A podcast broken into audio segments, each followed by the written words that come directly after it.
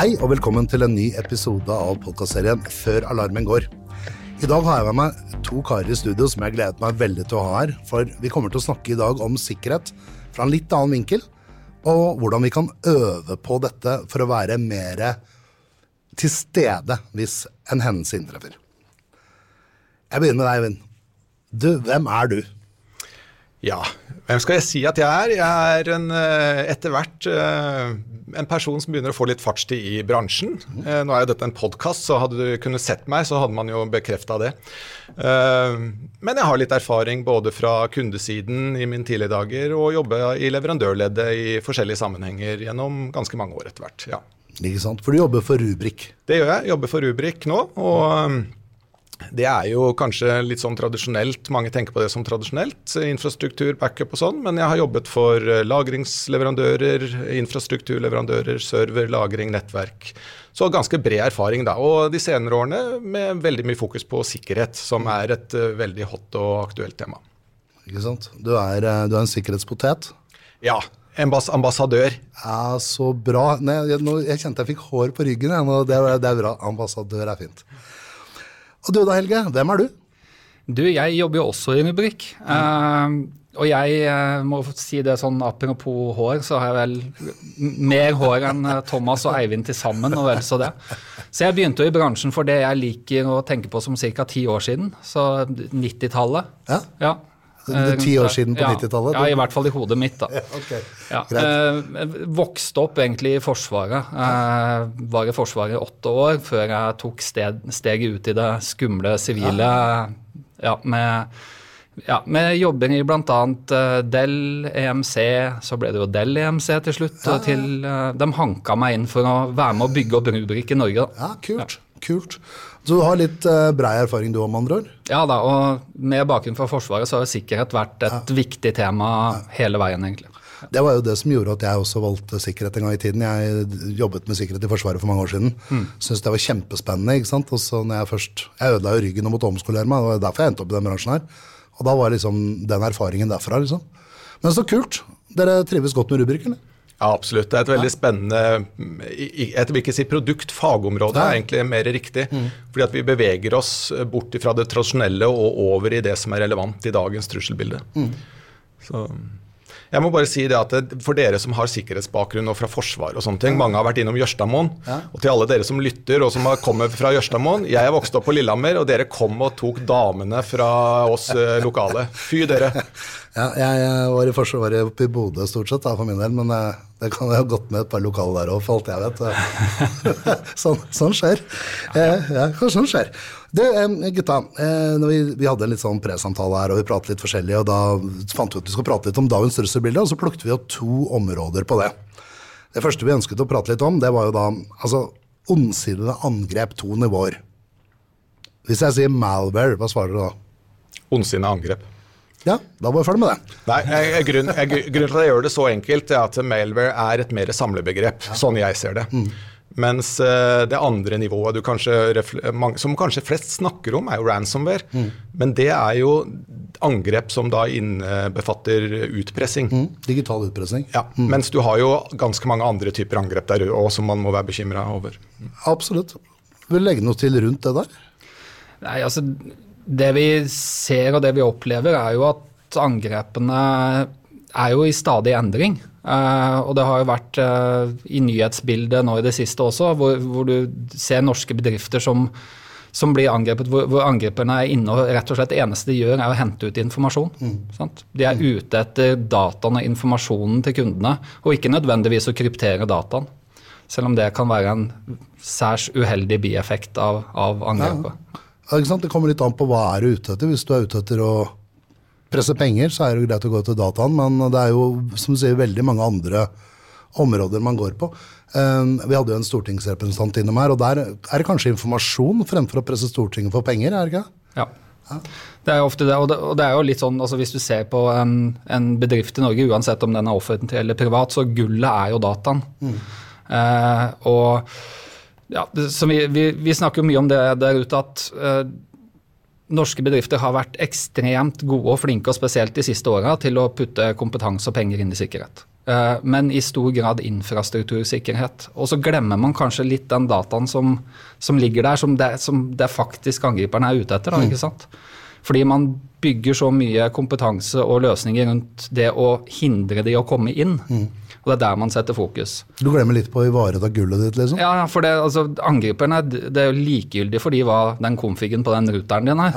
Eh, men ved å bruke så mye kompetanse og penger på det, så føler man seg kanskje også trygg på at her kommer, kommer man seg ikke inn. Man bruker på en måte ja, er, er på en måte ute, ute, ute etter å, å stoppe og, drive preventivt arbeid. Eh, og så ser vi gang på gang at uansett hva du har, så er det ikke alltid det holder. Så man må tenke kanskje mye mer sikkerhet rundt selve dataen også. Jeg tror du har rett. Jeg tror man tenker uh, mer. Altså, I Athea så har vi jo liksom hatt sikkerhet og backup for eksempel, som to forskjellige fagområder lenge. Det er jo bare noen få år siden vi liksom ble én stor gruppering. For det, i mitt hode så er det egentlig sikring som er det riktige uttrykket. Det var en god kollega i tiden, Andreas Drømmen, som faktisk kom med det uttrykket. eh, Sikring. Men, men, men eh, ja, det er som du sier. Verden har jo beveget seg fort og dit. Hvis jeg kan legge til noe der, da, Thomas, at eh, hvis du ser på hvordan vi, altså data i dag, og noe av det kanskje viktigste, eller det vi bekymrer oss mest for, er jo personidentifiserbar data. Og der er det et tvega sverd. Fordi på den ene siden så har vi gjort personvernet sterkere, og det er bra. Mm. På den andre siden så har vi gjort angriperne gitt de et verktøy. Eh, De har, vi har gitt et utpressingsmiddel som vi ønsker å beskytte mest mulig. Eh, Så at det er jo, Vi har gitt dem en liten gavepakke da, på mange måter, eh, i form av at vi har satt personvernet så sterkt. og at det er, viktig, det er nå såpass viktige data. Opplever du at For det er en diskusjon som har vært oppe et par ganger. Det, dette er, Jeg har ikke noe svar på det, bare støler. Eh, opplever dere at dette her med GDPR og bøter og den type ting faktisk kan føre til at angriperne står sterkere? At det, Jeg tror det kan eh, føre til at du står sterkere på i hvert fall én måte. og det er at eh, Man ønsker kanskje ikke den publisiteten det vil si, og dermed så kanskje er terskelen for å betale angriperne større fordi at man er redd for å Dårlig få det riset, riset bak speilet. da, som... eh, både som dårlig omtale og bot fra GDPR? Ja. Ikke sant? For det, Før så var det jo cyber shame som gjaldt. ikke sant? Ja. Du ville ikke si at du ble kompromittert for å være litt dust. Det er jo ikke sånn lenger. Men da tenker jeg, ikke sant, så kanskje det er, det er riktigere, faktisk. Det er en spenstig vinkel jeg ikke har faktisk tenkt på. Men hvis vi, hvis vi konstaterer at uh, det er mange veier inn, dette er komplisert, um, og jeg sitter her som virksomhetsleder og så tenker jeg, uff, hvordan, hvor begynner jeg? Er det, er det noen gode ideer på hvor begynner man i denne reisen her? Det, det er det jo sikkert mange svar på, avhengig av hvem du spør. Men hvis du skal tenke litt nivåmessig, så begynn med de enkle tingene. Eh, begynn med hvordan du skal forberede deg hvis noe skjer, eller når noe skjer, vil mange si. Eh, Så Det er den ene siden, forberedelse. og Da handler det jo om å ha prosedyrer, om å øve, bevisstgjøre. Det er soft ting, ikke sant? Det er ikke noe som koster Musikk, Musikk, penger. faktisk. Ja. Eh, Og mange altså, nettverksfolk vil si mikrosegmentering, og det er mange, mange Ja. ting der. Mange veier om. Ja. Det andre det er jo dette med å redusere angrepsflaten. Altså redusere eh, muligheten for at data skal, data skal gå tapt. Og det handler også om bevisstgjøring osv. Hvor vi lagrer vi ting, hvor putter vi ting. Men det handler også litt grann om verktøy til å faktisk kunne få oversikten. Vi er veldig opptatt av å hindre, altså oppdage og hindre angrep. Men vi må også tenke på når vi blir angrepet. Hvordan har vi da beskytta oss best mulig? Hvordan har vi redusert angrepsflaten og tilgangen? Ja, for nå snakker man jo ikke om om du blir kompromittert eller ikke. Nei. Det er når blir du kompromittert, og oppdager du det, ikke sant? Ja, det er jo det. Også, og det handler jo i bunn og grunn om å klare å være mest, mest mulig motstandsdyktig på alle nivå. Altså Du skal kunne eh, være preventiv og blokkere folk for å komme inn. Eh, men samtidig så må du også ta det inn over deg at på et eller annet tidspunkt så vil du ha uvedkommende inne på nettverket ditt. Og hvordan skal du da ha, som Eivind er inne på, prosedyrene på plass, planene på plass, og ikke minst teknologien i bånn for å faktisk kunne ivareta bedriften din. Det høres ut som en ganske komplisert oppgave midt oppi alt annet dette, gutta. Det gjør det. Jeg, jeg pleier å si at uh, ransomware-angrep det har to nivåer. Det ene nivået er uten sensitive data som er lekket. Det kan man komme seg tilbake fra. Det tar tid, det er komplisert, ja. Men det er et helt annet nivå når sensitive data er involvert i angrepet. Det er ingen tvil om. Det, det snakkes mye om et eh, uttrykk som heter DSPM. Hva betyr det? Nei, det, det, er jo et litt sånn nytt uh, sikkerhetsbegrep i, i, markedet. Litt sånn li, nytt nivå av sikkerhet. Og det handler jo mye om det vi har snakka om nå. Det å få oversikten, det å ha kontrollen på dataen din. Um, det, det, det, DSPM for meg er, uh, og der det på en måte har bunna litt ut, er jo spesielt i forhold til skymiljøer, kanskje. Uh, hvor, hvor, vi ser det er mest aktuelt å, å, å se på den type løsninger. Og, og, det handler om at uh, så fort du går ut i skya, så blir miljøet ditt ekstremt mye mer distribuert, og du har ekstremt mye mer muligheter. Så det å kunne holde både kontroll på kostnadene rundt det, uh, hvor har jeg dataen min, hvilken type data har jeg hvor, hvem har tilgang til den, hvordan aksesseres dataen, og alt dette som ja, på en måte kan, kan, hjelpe til å få kontroll, da, eh, blir på en måte DSPM et, et, form for samlebegrep. Ja, for det står for Data Security Posture Management, ikke sant? Ja, veldig enkel og fin TBF der. Ja, ja, kjempebra. Godt norsk uttrykk. Ja, ja. Og hvis, hvis, jeg som gammel lærerutdanna kan si det på min måte, ja, så er det, det rett og slett å redusere angrepsflaten. Ja, ikke sant. Så når man hører det uttrykket, så handler det om å redusere angrepsflaten. Ja. Jeg liker godt det der at du, du tar fram til gammel lærer, for vi er like opptatt av å ikke bruke tre-fire bokstavforkortelser. ja. Tror du vi prater oss uh, bort fra de som trenger å vite hva vi prater om? Ja, det tror jeg vi gjør. Vi snakker stammespråk. Vi, snakker, uh, vi har vært så lenge i bransjen at for oss er det sånn innegrodd mm. å gjøre det. Jeg bruker av og til når jeg skal ha et seminar eller foredrag, sånn, så pleier jeg ofte å teste det på kona mi. Hun jobber i helsevesenet og er ikke noe IT-menneske i det hele tatt. Og hvis hun skjønner den røde tråden i det jeg prøver å presentere, da er jeg fornøyd. Hun kan sikkert veldig mye mer enn gjennomsnittet, for du holder jo mye foredrag. Ja, sikkert. Har vel fått litt inn. Ja, Fantastisk. Men det er jo et innmari godt tips. Dette er å prate alle forkortelser ut, forklare hva som ligger bak og den type ting. Liksom. Ja, og det, Dette relaterer seg egentlig til det vi sitter og snakker om her med sikkerhet òg. Fordi hvis du enten du kommuniserer som leverandør eller du kommuniserer innad i din organisasjon mm. uh, som IT-menneske opp mot ledelsen, mm. så må man forstå. Hvis ikke man forstår, så, kan, så snakker vi, babler vi jo bare ord. Ja, det er det. Og da dukker jo ingen som stikker opp hodet og sier dette skjønner jeg ikke. De føler seg bare dumme. ikke sant? Da er det bedre å være stille. og så ja, ja, ingen absolutt, som skjønner. Ja, ja. Helt klart. Du gutta, eh, vi snakket om at det med å øve. Mm. Og um, Hvorfor skal vi gjøre? Øve, liksom? Har du noen eksempler på det? Begynne med hvorfor øver man?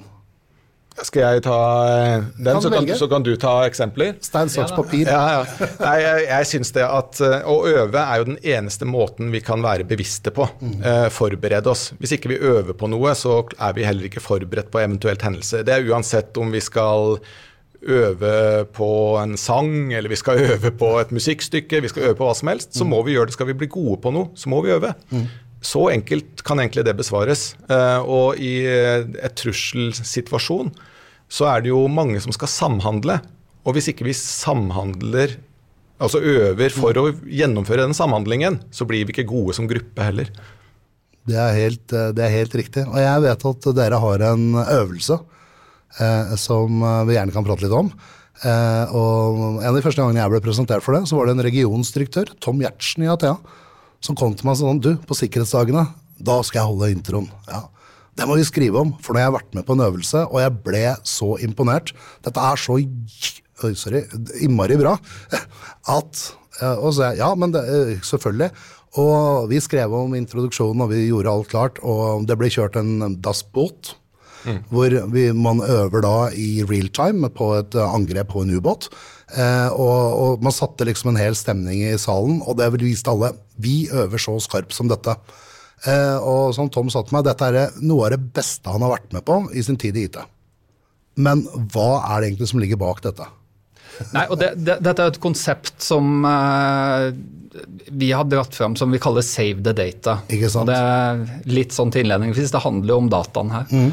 Eh, det er et, eh, en tabletop-øvelse eller et form for rollespill hvor man blir satt i en situasjon hvor vi har henta og intervjua en faktisk kunde av, eh, av, oss i USA i forhold til et cyberangrep som de hadde i 2021. Mm.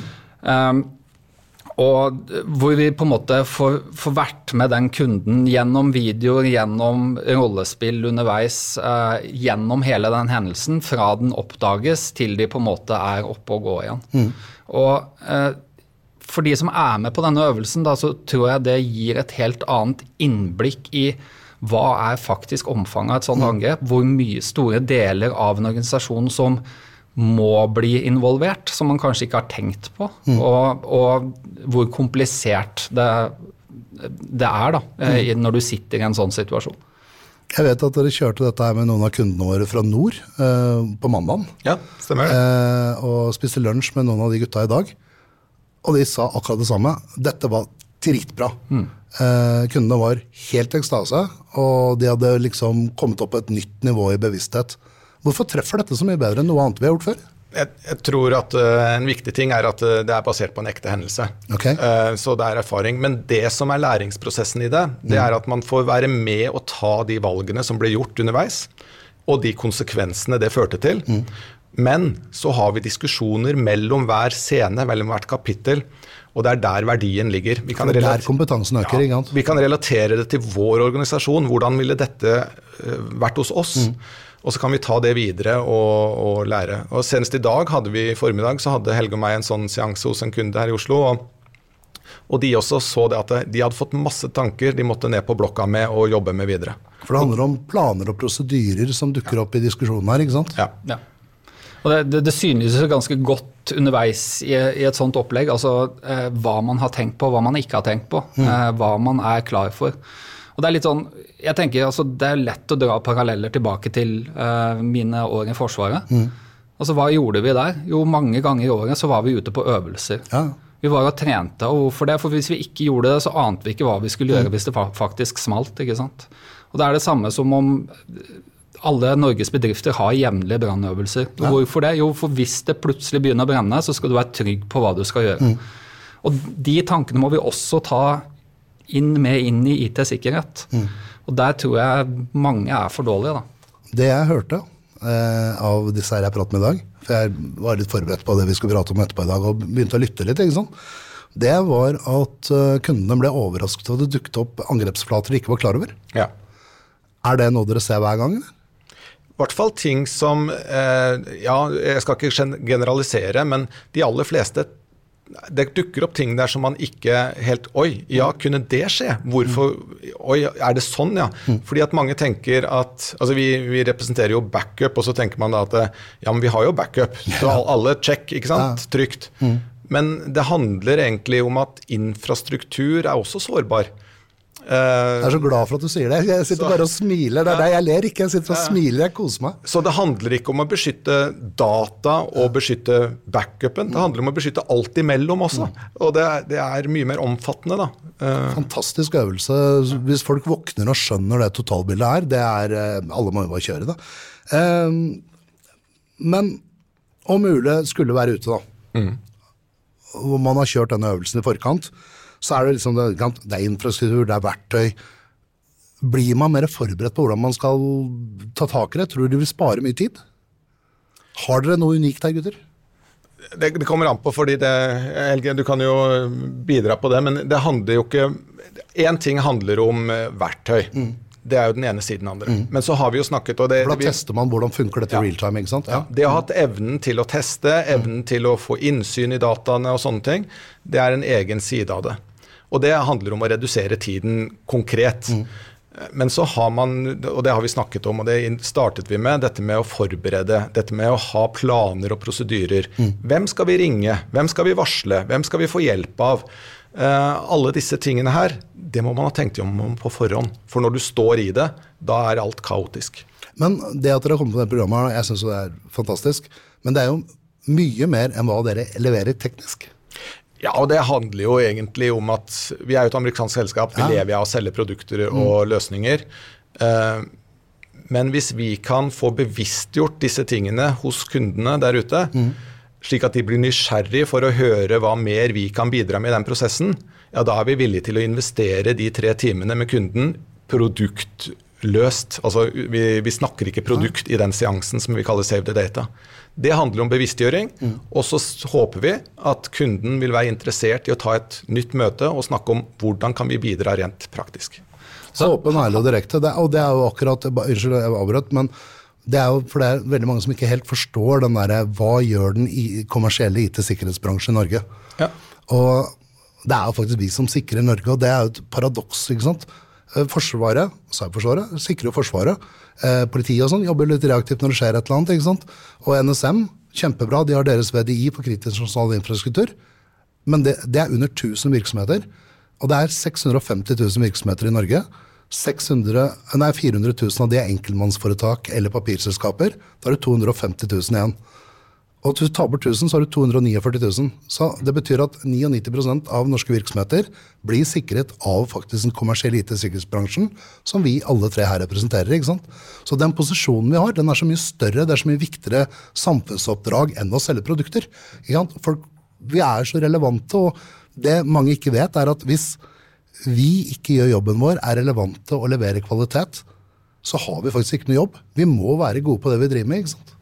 Liten, liten ting på det Ja. før Helge. Hvis du, hvis du ser på Enisa sin eh, framtidsrapport fram til 2030 på hvordan trusselbildet skal se ut For de som går inn og slår opp det, søker opp det, og ser på punkt nummer åtte i det kartet de viser, så er det mangel på kompetanse. Ja.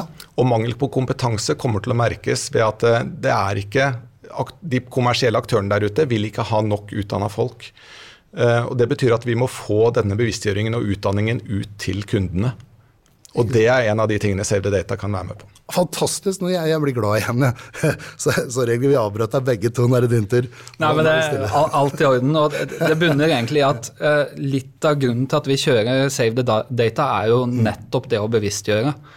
Altså, Du kan ha all verdens teknologi i bånn, og ja, Rubrik vi leverer også mye teknologi som kan hjelpe til i sånne tilfeller. Og litt eplekjekt så er det andre der som leverer nesten tilsvarende teknologi. men det, det, altså, du kan ha all verdens god teknologi i bånn, men det spiller ingen rolle hvis du ikke har tankesett og planer på plass fra før. Ja, det er er, det, teknologien er kun et hjelpemiddel. Det er folka og på en måte mindsettet som er det viktige her. For det, det vi også snakker om, det er etter angrepet. Vi øver litt på Mm. både hva skjer, og hvordan gjør vi etterpå. Og når vi snakker om etter angrepet, så har vi nevnt tid. Det er Ja. kritisk, ikke sant? Ja. Og så neste er innsyn. Hva har skjedd? Mm. Får vi en godt innsyn? Hva skal til for å ha et godt innsyn? Altså, det er jo en av de største problemene. for hvis, La oss nå ta Det noen, er derfor jeg tør å utfordre Ja, på det. La oss ta noen forutsetninger. da. Ja. Eh, sikkerhetsmekanismene dine har feila. Du har fått et ransomware-angrep. Det har tatt ned miljøet. Eh, hvis du da skal komme deg tilbake igjen, så handler det jo om å finne hvilket rene, siste rene punkt, eh, gjenopprettingspunkt, kan jeg benytte. Når ble jeg kompromittert? Og gå Yes. tilbake minuttet før, Ja. liksom? Så hva har skjedd? Hvem er det som er inne? Når skjedde det? Disse tingene, det må man finne svar på. Og det er jo det man kaller kriminalteknisk, altså forensics. Forensics, ja. ja. Og, og hvis du kan hvis backupen din da, kan være en kilde, for siden vi har historikken Produksjonsdataene dine som ble tatt, det var de ferske dataene. ja. En, en backup-løsning den sitter på historikken. Problemet er at alle RFP-er opp gjennom årene de har krevd at backupen skal være kryptert. Hva betyr det? Du har ikke noe innsyn i de dataene. For de skal være beskytta. Så hvis du kan få muligheten til å se inn i de dataene, finne hvor har jeg sensitive data, var sensitive data en del av angrepet, Ehm, når skjedde det osv. Hvis jeg kan få svar på det uten å måtte gjøre masse forskjellige sånne gjenopprettingsprosesser for å lete tilbake i historikken, da reduserer du tid dramatisk. Og du reduserer eh, risikoen for feil betraktelig også. Ja, Og feil for reinfisering, som er et, uh, reelt, uh, trussel, en reell trussel, det òg. Så jeg vil tro at en investering i forkant er langt rimeligere enn å gjøre dette i etterkant. Ja, og det, det interessante da, det er at hvis du ser på cyberforsikringer og sånne ting, så spesielt i USA er man jo veldig opptatt av det. Og der har noen av de store forsikringsselskapene nå hatt dialog med sikkert andre, men også oss, rundt det å kunne redusere premiumen de må betale for forsikring, kundene må betale, hvis de kan dokumentere at de har sånn og sånn eh, sikkerhetstiltak, eller tiltak. Jeg vet at det er, eh, vi, vi jobbet jo veldig tidlig med cyberforsikring i Norge. 2015 var vel at jeg var borti noe sånt nå. Eh, og vi så på ting, og der var jo en av problemene at det var så høye premier. Og så prøvde man å se på ja, hva gjør du. Har du Porsche? Ja, ok, parkerer du den i garasje? Check, da får du litt billigere. ikke sant? Mm. Nei, jeg lar den stå et eller annet sted med nøkkelen i. Da er det høy premie, ikke sant. Eh, og da kjørte man liksom en sånn assessment-type ting. Så det er, det er ikke en dum tankegang, altså. Og hvis du ser på dekningen til forsikringen, hva, eller hva, hvilken, hvilken eh, kriterier de stiller fra å- i fjor til i år til neste år, den endrer seg. Så er det så skjedd noe, eller trusselbilde, ja, ikke sant. Men eh, vi snakker også om gjenoppretning som en stor del av dette her, Ja. ikke sant. For det, du må jo, det tar jo en del tid å gjenopprette, og du må vite at dataen er riktig og alt med himmel og jord. Hvordan vet man det? At hva man skal gjenopprette? Ja, både hva som er komplementert, hva som er riktig, hvordan du bør gjenopprette. Nei, det er jo, Der er jo ikke vår løsning nødvendigvis det eneste svaret. Der, er- men der kommer samhandling inn igjen. da. Nettopp. Fordi at Når en kunde blir tatt ned, så er det veldig sjelden de har hvis ikke det er en av de store, så har de ikke inhouse-kompetanse på å gjøre dette kriminaltekniske. Så De vil jo kontakte Athea og få responsteamet ut, bistå og sånne ting. Og det da å kunne eh, At det teamet skal kunne bruke sine verktøy, de de bruker i det daglige, til å se inn i backup-dataene og kunne identifisere feilkilder der, basert på de, det vi kaller for indikator of compromise, altså IOC-er. Mm. det er jo nytteverdi som gir SOC-tjenestene eller responsteamene der ute og sånne ting. Verdi de gir i et, et verktøy som er veldig etterlengta. da. Hvis du spør en som kommer fra et sånt response-team og sier hva er tidkrevende i forhold til å finne riktig punkt i backupen, jo, det er alle disse mange gjenopprettingspunktene man må gjøre for å le finne den der rene, trygge kopien. Det er akkurat det Innsett Response-teamet vårt sier, faktisk. Ja. Ordrett. Ja. Legg til noe, eller? Nei, jeg bare tenker Det hadde ikke vært deilig å bare kunne fått den informasjonen rett ut av løsninga, istedenfor Ja. å måtte gjøre alt det her. Og det er jo noe av det vi prøver å ja, bidra til. da. En av mine kjepphester er, som du sa, tid. Og enten du er et kommersielt foretak som taper penger fordi nettbutikken er nede, eller, eh, eller butikken ikke kan altså Se på han eh, rørleggeren på Gjøvik eh, som sliter, permittert eh, 35 stykk. Eller du er et helseforetak som skal redde liv, eller du har lov og orden, eller du er innen forsvar. Uansett, tid er kritisk for den organisasjonen det gjelder, og det handler om å få tjenestene opp og kjøre igjen raskest mulig. Jeg tror faktisk at det var siste ordet. Jeg tenker at det, det kan ikke avsluttes mer smooth og riktig enn det, faktisk. Og når jeg har dere i studio, så ønsker jeg da også å stille dere et spørsmål hver. Eh, Eller to spørsmål hver, og det gjør vi med alle gjestene våre. Og det første er, kan begynne med deg, Helge. Hva er ditt beste sikkerhetstips? Mitt beste sikkerhetstips det er eh, kanskje litt sånn eh, kjedelig og konservativt og gjentagende, som sikkert mange andre har kommet med også, men det er tofaktor overalt. Det er på en måte det beste sikkerhetstipset jeg kan gi. Om det er på Facebook eller på telefon, eller om det er på bedriften sine interne systemer, bruk tofaktor. Det er det enkleste sikkerhetstiltaket man kan ta i bruk. Så det er enkelt. Ja, jeg er klin enig. Òg? Da skal jeg starte i helt andre enden, jeg. Og så skal jeg si det at eh, start med det enkle. Start med å, å få noen til å ha ansvar, fokusere på sikkerheten i organisasjonen. Se på hvilke prosedyrer, hvilke planer vi bør ha på plass, og så ta det derfra. Det er eh, kjempegode råd, begge deler, dette, gutta. Siste spørsmål. Det er litt mer privat. Jeg begynner med deg. Hva er din kuleste smart device? Min kuleste smart device uh, Mest nyttige, den du bruker mest, den du Jeg- jeg kan kan leve uten. Ta det, den mest nyttige for meg, da, for ja. jeg bor på Hamar. Ja. Så det medfører jo da en del reising. uh, både med mye med tog og mye med fly rundt omkring i Norges land uh, og utenlands. Så det aller aller nyttigste smart-devicen, hvis man kan kalle det det som jeg noen gang har hatt, det er støyisolerende headset. Det er en lifesaver. Det er faktisk helt riktig. Ja, ja, ja det, det, er, det har jeg aldri fått før, men jeg er såre enig når jeg tenker på det. Det er ikke gærent. Og du, Eivind? Jeg har en smart device og en app. jeg. Ok. En smart device det er eh, klokka mi, eh, Garmin-klokke, som forteller meg Jeg slipper å bekymre meg nå om jeg har sovet godt, eller om jeg er i god form, eller om jeg har god treningsevne og sånn, for det forteller klokka meg. Så den bruker jeg aktivt. Ja. Litt eh, fleipete sagt. Nei, men det er ikke gærent. å Men, men den appen jeg er mest glad i, det er Vips. Fordi jeg har tre tenåringer, og den gjør at jeg kommuniserer ofte med tenåringene mine. Ja, jeg, har, jeg har to, og jeg bruker også VIPS. Jeg vet ikke om jeg er like glad i VIPS, Neida. men det er en måte å kommunisere på, det er det faktisk. Du, eh, gutta, utrolig takknemlig for å, å få dere i studio. Eh, jeg må bare legge til at eh, vi selvfølgelig i Athea gjennomfører disse her sammen med dere fortløpende. Så hvis noen fant ut at dette her er noe de har lyst til å gjøre, så kan de sikkert ta kontakt både direkte med dere og med oss og, og få tid og hjelp til å gjennomføre noe sånt. Absolutt. Jeg, jeg, skal si det at jeg, jeg snakket med en på Community, Athea Community i går, som har vært med gjennom dette her.